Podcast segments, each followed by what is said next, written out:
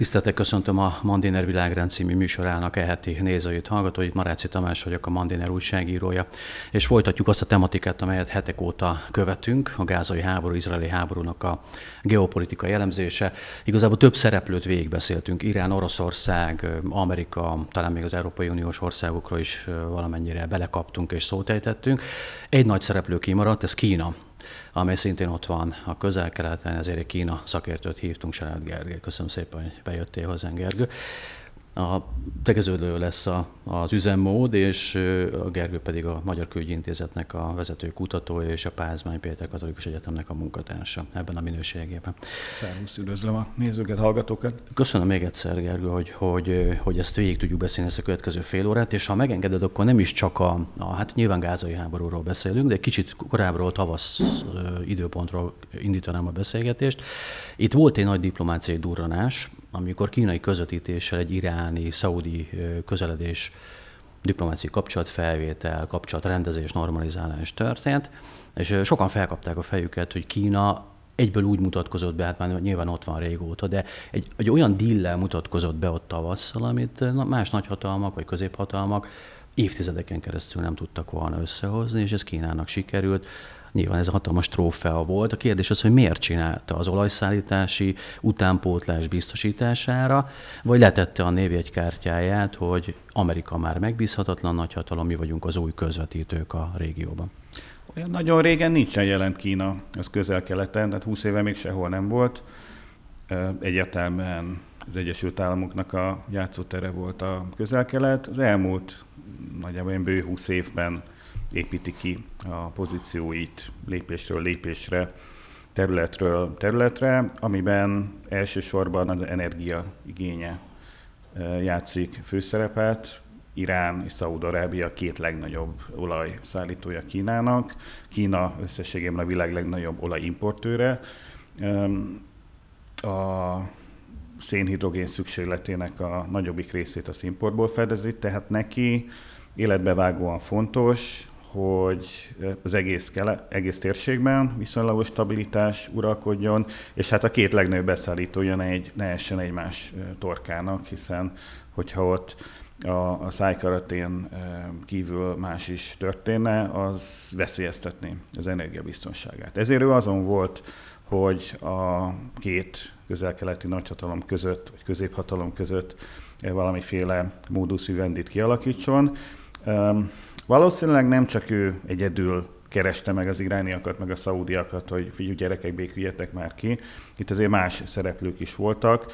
Természetesen az előkészületek titokban zajlottak, de e, bizonyos értesülések szerint Oroszország egy jelentős szerepet játszott benne. Tehát Oroszország már évek óta dolgozott a kibékítésen, csak hát ugye most Oroszország nem volt olyan pozícióban, hogy hirtelen nagy békecsinálóként lépjen fel, és ezért itt tálcán az egész projektet átadta a kínaiaknak. Átadta, vagy a kínaiak maguktól átvették? Mert átadta. Mi, mi, átadta? Tehát oroszok voltak ott előbb, és van kapcsolat, tehát, tehát van összefüggés a között, hogy Kína beléphetett a képbe, hogy az oroszok kiléptek? Ezt mondják jól értesült források magukat jól értesültnek nevező források, hogy mennyire jól értesültek, azt nem tudom innen megállapítani. Az biztos, hogy itt nem a semmiből indult az egész ugye, kibékülési folyamat, tehát itt azért a, a, a felek évek óta tapogatóztak egymás iránt, és hát nem csak Oroszország, még nem csak Kína, hanem több más szereplő is érdekelt volt abban, hogy itt azért ne boruljon fel teljesen a közel-keletnek a rendje. Az, hogy hogyha ismerjük az iráni-szaudi viszonyrendszer, elég problematikus, hogy mit tette alkalmassá a pekingi diplomáciát arra, hogy, hogy ezt a óriási szakadékot, ezt a óriási bizalmatlanságot, ami a síta és a szunita, a nagyhatalom vagy középhatalom között feszült, ezt egy ilyen huszárvágásra át tudták vágni. Mit csináltak? Mi a nagy terve Kínának ott? Hát a pénz többek között. Az azért... Hát megbízható partner is. veszi az olajat. Akkor. Mind a két országnak a legmegbízhatóbb partnere, legnagyobb export célpontja, tehát mind az irány, iráni gazdaság ugye különösen, hiszen más oldalról szankciók sújtják, tehát neki nem nagyon van lehetősége másnak eladni az olajat, mint Kínának. De a szaúd-arábiaiaknak is a legnagyobb kereskedelmi partnerük. És hát mint ilyennek van némi befolyásuk arra, hogy mennyire harabdálják egymás torkát, mennyire nem, és hát miután ugye valószínűleg tehát elő volt készítve ez a nagy összeborulás, neki csak be kellett szállnia, és elrendezni az utolsó kérdéseket, utána Pekingbe hívni a két országnak az illetékes elvtársait, eh, ahol ott ünnepélyesen a országos népi gyűlés épületében szépen aláírhatták kamerák előtt a nagy kibékülést. Ez nyilván nem azt jelenti, hogy innentől fogva az irániak meg a szaúd-arábiaiak öröktől fogva a legjobb barátjai egymásnak. Ez azt jelenti, hogy legalább valamiféle párbeszéd, kommunikáció zajlik közöttük. Ez persze önmagában is nagy siker nagy siker, és hát nyilván gazdaságilag nagy siker Kínának, hiszen hogyha stabil, ahogy elmondtad, a két középhatalom szállítja az olajat, akkor megvan az utánpótlás.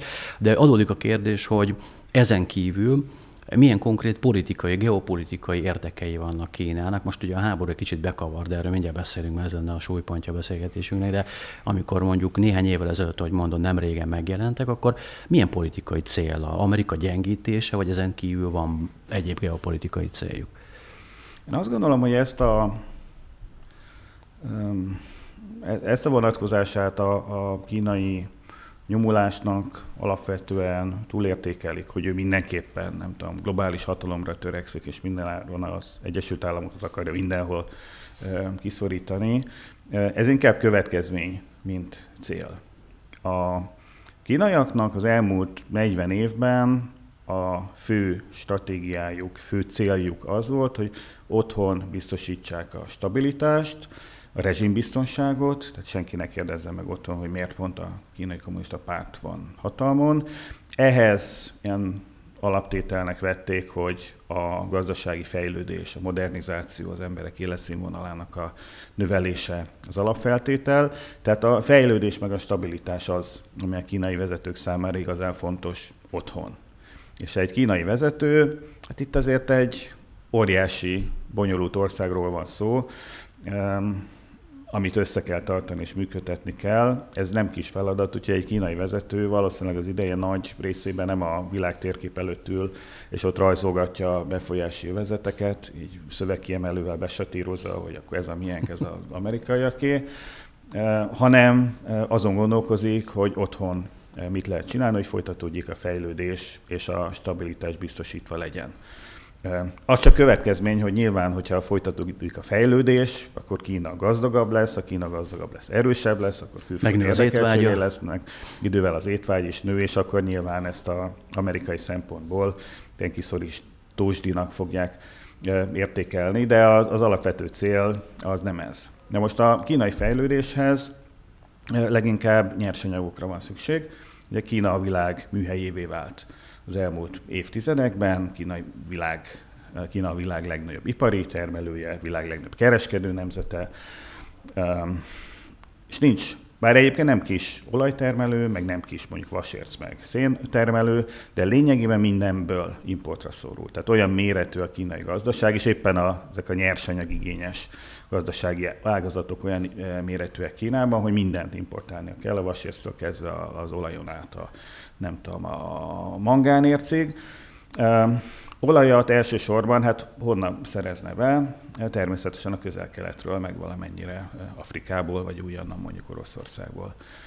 És de azért a közel-kelet a legnagyobb beszállítója, és ezért úgy jelent meg a 90-es évek végén, 2000-es években az közel-keleten, mint egy nagy szénhidrogén bevásárló. Nem azért, mert el akarja foglalni a közel-keletet, hanem egész egyszerűen szüksége van annyi olajra otthon, hogy menjenek a kocsik, meg a traktorok, meg a kamionok, meg a, a, a, az erőművek. És hát így szép lassan, de nyilván a, a közel-keleten mindenki örült, hogy ők diversifikálni tudják a kapcsolataikat, már nem csak az amerikaiak, nem a nyugatiaknak tudják ellen az olajat, hanem egy új nagyvevő jelentkezett, ráadásul itt ugye szankciók, politikai ügyek is közben játszanak a nyugati kapcsolatokba. A kínaiaknak meg az az alapelvük, hogy őket egyáltalán nem érdekli, hogy a másik ország belpolitikában mi történik. Aki az adott országban hatalomon van, ők azzal fognak tárgyalni, azt elismerik, és azzal fognak üzletet kötni. Hm.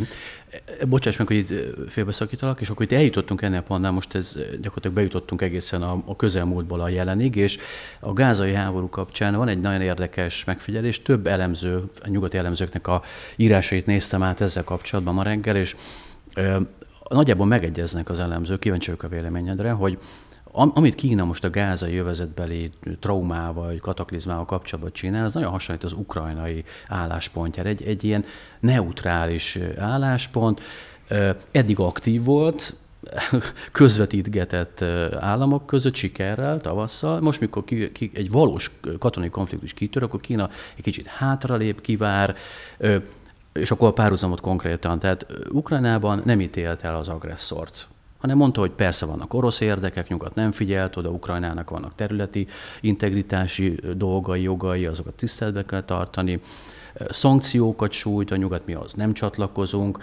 Ugyanebből a, az oroszoknak kérdez természetesen, ebben a szempontból szintén neutrális pozíció, de itt is látszik, hogy hova hajlik a kínai diplomácia. Nem ítéljük el az október 7-i terrortámadást, a Hamas nem terrorszervezet, mint ahogy a nyugat annak tartja, és a tűzszünetet ajánljuk fel, ami nyilvánvalóan Hamasnak kell, de ez nem Izraelnek jelen pillanatban. Tehát látszólag egy semleges álláspont, de mégis valamelyre hajlik oroszok és a palesztinok fele. Miért? Hát igen, ezt ilyen nyugat ellenes semlegességnek nevezik az elemzők. De igazuk van? Tehát jól látják ezt a pozíciót? Alapvetően igen. Hát ez ugye a kínai stratégiai gondolkodásból, hozzáállásból, mentalitásból következik. Ugye a kínaiak nem gondolják azt, hogy a világ összes problémáját nekik kéne megoldani. Tehát, hogyha kitör valahol egy válság, egy háború, akármi, akkor ők nem e, azon kezdenek el gondolkodni, hogy úristen, hogy tudjuk ezt a problémát megoldani. Oda küldünk, nem tudom, anyaghajókat, vagy behívjuk a nagykövetet, vagy szankciózunk, vagy bármit. Nem, nem ezen kezdenek el gondolkodni, nem azon kezdenek el gondolkodni, hogy jó, van ez a helyzet, mi lenne számunkra a legkedvezőbb forgatókönyv ennek a helyzetnek a, a, a, vagy ebből a helyzetből való kilábalásra, és akkor megpróbáljuk úgy alakítani a dolgokat, hogy ez a legkedvezőbb forgatókönyv valósuljon meg, de a eszközeink korlátozottak, nincsen neki végtelen befolyása se Oroszországba, Izraelbe, vagy a palesztin területeken, meg pláne nem. Tehát simán lehet, hogy nem úgy fognak az alakulni az események, ahogy nekünk a legjobb, ezért nem csak arra készülünk, hogy megváltoztatjuk a helyzetet, hanem arra is készülünk, hogy akárhogy is alakul a helyzet, akármilyen forgatókönyv, forgatókönyv is érvényesül, abból mi a lehető legnagyobb hasznot hajtsuk. Ugye ez van Oroszországnál is. Nyilván itt van egy komoly együttműködés Kína meg Oroszország között, de hogyha Kína elkezdene nyomást gyakorolni Oroszországról, hogy hagyja abba ezt a háborút, az oroszok nem biztos, hogy abba hagynák. Tehát nem, nem bábja Oroszország Kínának. A Hamász meg pláne nem bábja, tehát itt azért főleg, ugye Izrael nem egy nagy olaj exportőr, palesztinok még annyira sem, tehát Izrael legalább technológiát tud exportálni Kínába palesztinok még az sem, tehát gazdasági pozíciói neki ezen a területen nem vannak. De van egy arab álláspont, nyilván a palesztin ügyel kapcsolatban, és a palesztin ügy mögött álló, bár itt ugye vannak Ábrahám megállapodások, és ott az arab álláspont megbomlott, de mégis mondhatjuk azt, hogy az arab világ azért főleg egy háborús helyzetben a palesztin ügy, ügy mögött áll, tehát hogy van benne egy ilyen pragmatikus szempont is, hogy az olajszállítások akkor lesznek garantáltak a közel-keletről, hogyha a palesztin ügy mögé állunk inkább, mint Izrael mögé. Igen, itt jön be az, az, hogy valószínűleg Kína semmit nem tud annak érdekébe tenni, hogy Izrael abba hagyja a gázévezetnek az ostromát, vagy a Hamas megadja magát, vagy bármilyen módon tűzszünet köttessék. Tehát egész egyszerűen nincsen ilyen e, hatalma, befolyása. Kínának pedig alapvetően a, a, a térségnek a stabilitása lenne az érdeke. Itt azért vannak vitáim más szakértőkkel, mert sokan azt mondják, hogy ez most milyen jó Kínának, hogy akkor az amerikaiak addig se Tajvanra figyelnek. Én ezt nem... Ez lett volna az egyik kérdés. Nem, akkor majd erről is beszéljünk, de én azt gondolom, hogy a stabilitás a, az érdeke Kínának a már említett okokból. A, az otthoni, a ugye Kínával a gazdaság meg a politika az nem elkülönítető egymástól, akkor van stabilitás, hogyha gazdasági fejlődés van. Gazdasági fejlődés az van, hogyha mennek a traktorok, ahhoz meg gázolaj kell. A, tehát Kínának nincsen lehetősége, hogy a számára a legkedvezőbb helyzetet, a azonnali tűzszünetet és a világbékét elérje, ezért mit tud csinálni? A, a, a mostani helyzetből tudja, vagy megpróbálja kihozni a maximumot, az pedig az, hogy az amúgy is zajló nagy globális, lényegben hidegháborús hozzá, vagy hidegháborús szembenállásban a, próbáljon minél több országot, népet a maga oldalára állítani. Hát itt van egy sok százmilliós arab világ, e, mindenki e, ugye Hamasnak szurkol és izraeli vért e, akar inni, legalábbis mondjuk így az arab utca, elitek azok más tészta, és hát akkor ebben a helyzetben ő úgy próbálja pozícionálni magát, hogy ugyan nem vágja el magát a nyugati világtól, és mondjuk nem uh, ítéli el teljes mértékben Izraelt azért, mert megvédi magát, és nem mondjuk tagadja meg Izraelnek a elismerését, hanem egyrészt diplomáciailag azt mondja, hogy mi az izraeli népnek is és a palesztin népnek is nagy barátja vagyunk, mi békét szeretnénk, és alapvetően a két állami megoldást támogatjuk, viszont a, propagandában, a kommunikációban egy ilyen százszázalékos palesztin párti álláspontot nyomnak a kínaiak, ez meg nyilván az araboknak nagyon tetszik.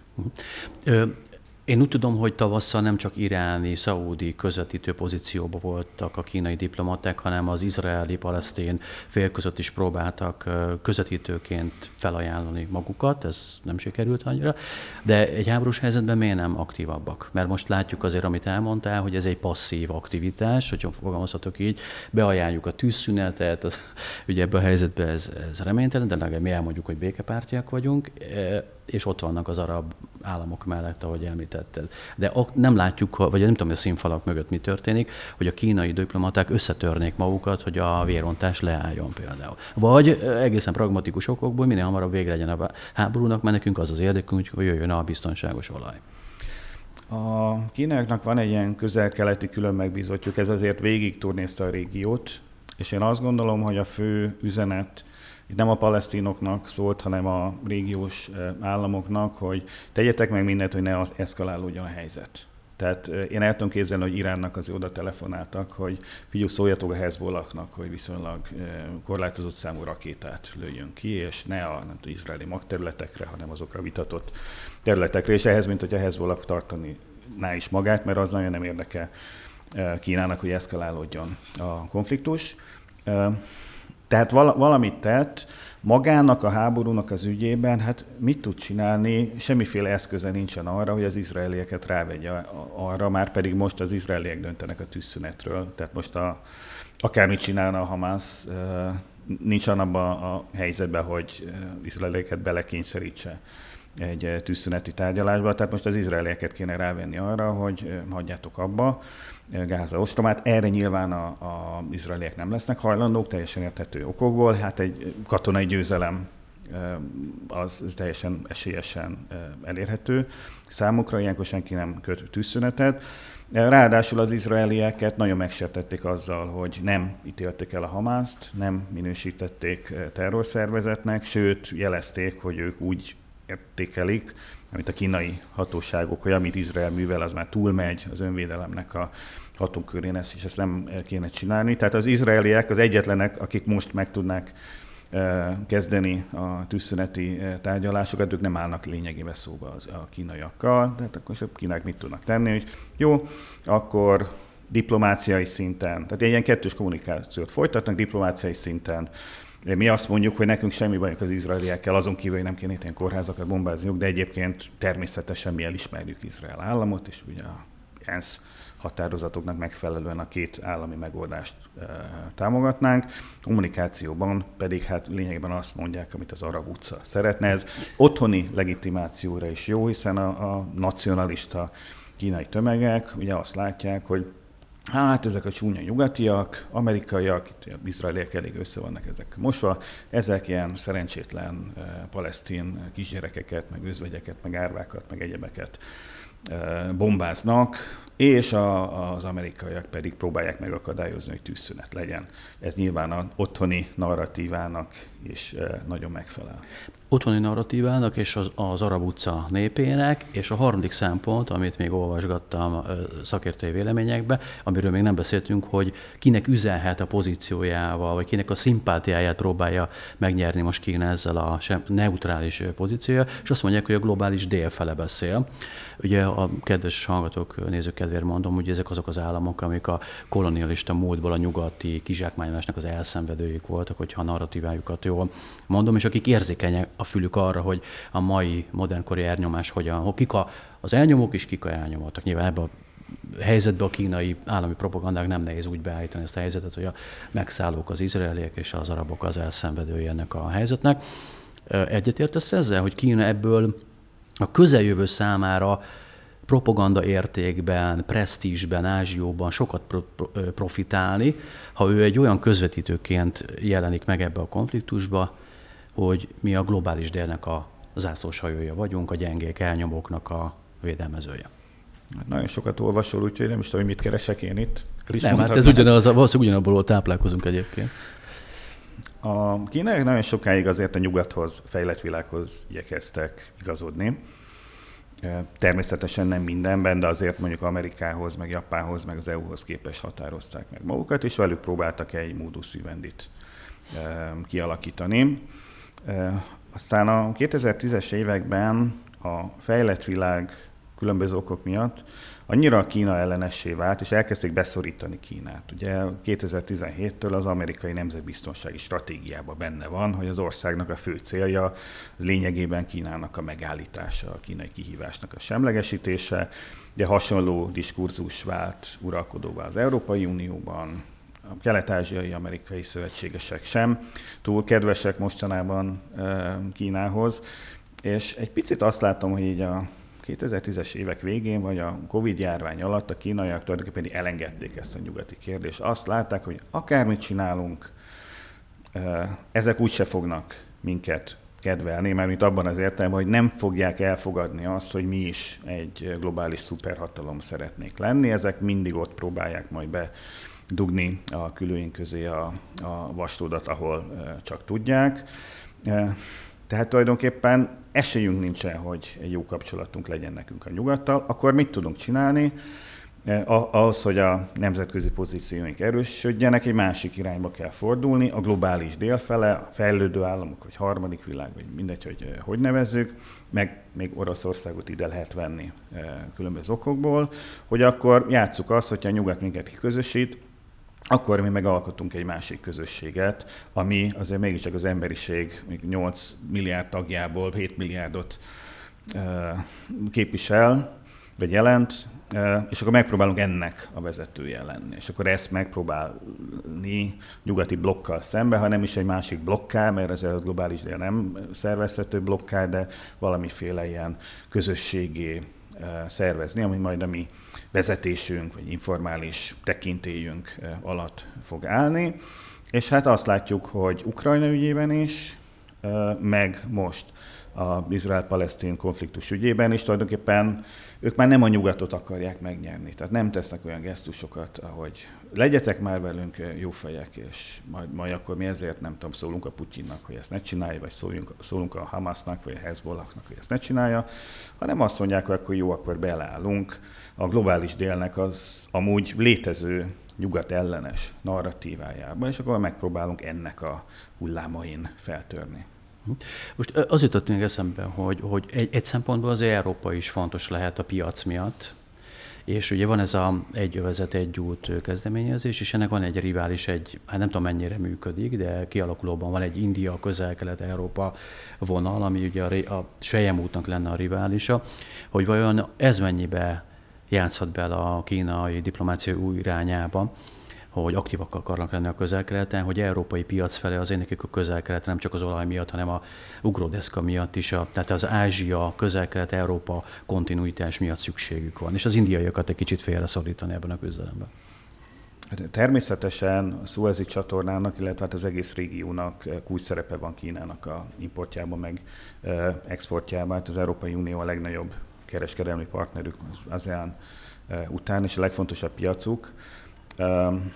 A, az új utat, az övezetés út projektet, ez kifejezetten, amikor megkérdették tíz évvel ezelőtt, ott Európa volt a célpontja.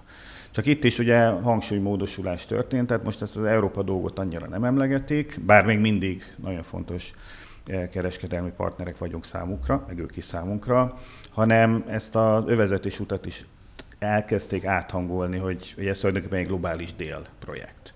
És hogyha megnézzük, hogy ugye néhány hete volt a övezetés út csúcs találkozó Pekingbe, kik vettek ezen részt, Hát ugye Putyin, Európai Unióból egyedül a magyar miniszterelnök, meg egyébként a globális délnek a képviselői, tehát mint hogy ez is eltolódott volna egy ilyen irányba. Nem azért, mert a kínaiak eleve azt akarták, hanem hát így sikerült. Ez jött ki belőle.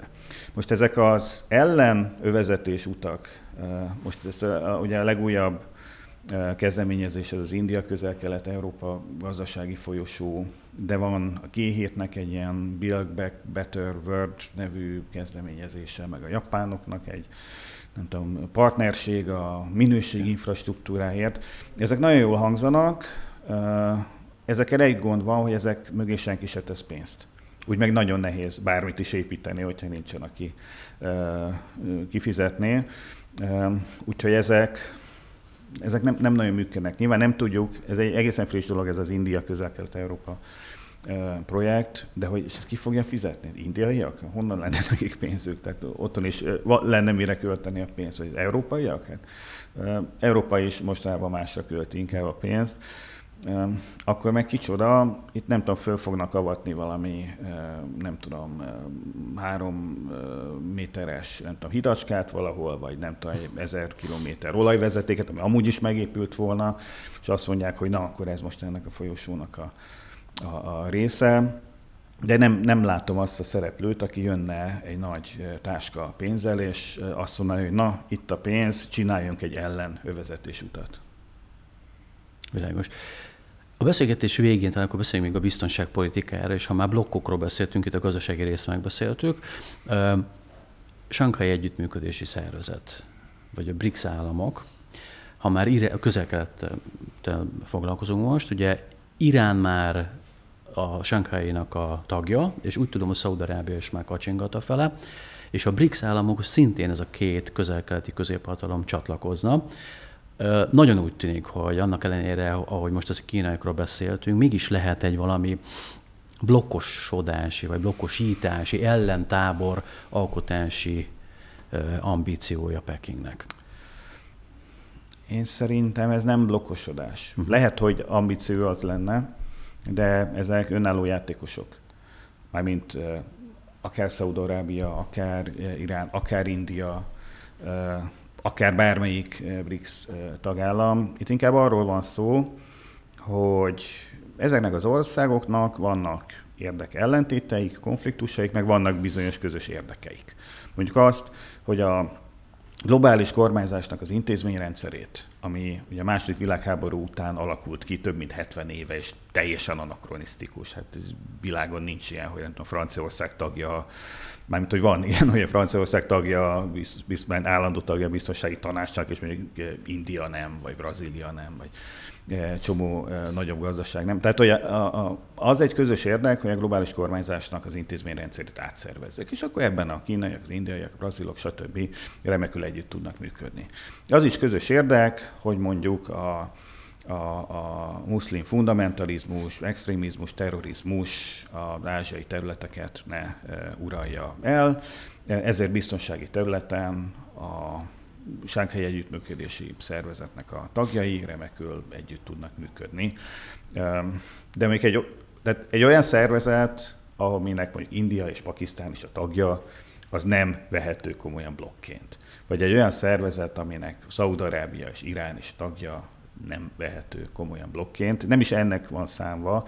Ezek ilyen tulajdonképpen platformok, fórumok, ahol az országok folyamatosan egyeztetnek, információkat osztanak meg egymással, és adott esetben, hogyha van egy közös érdek, akkor fel tudnak lépni. De ezek nem katonai szövetségek, tehát a Sánkhelyi Biztonsági Sánkhelyi Együttműködés Szervezete az biztonsági vonatkozású szervezet elsősorban, de nem egy NATO, nem egy ellen NATO, nem is lesz az, Hát nem fog India meg Pakisztán egy katonai tömbbe tömörülni.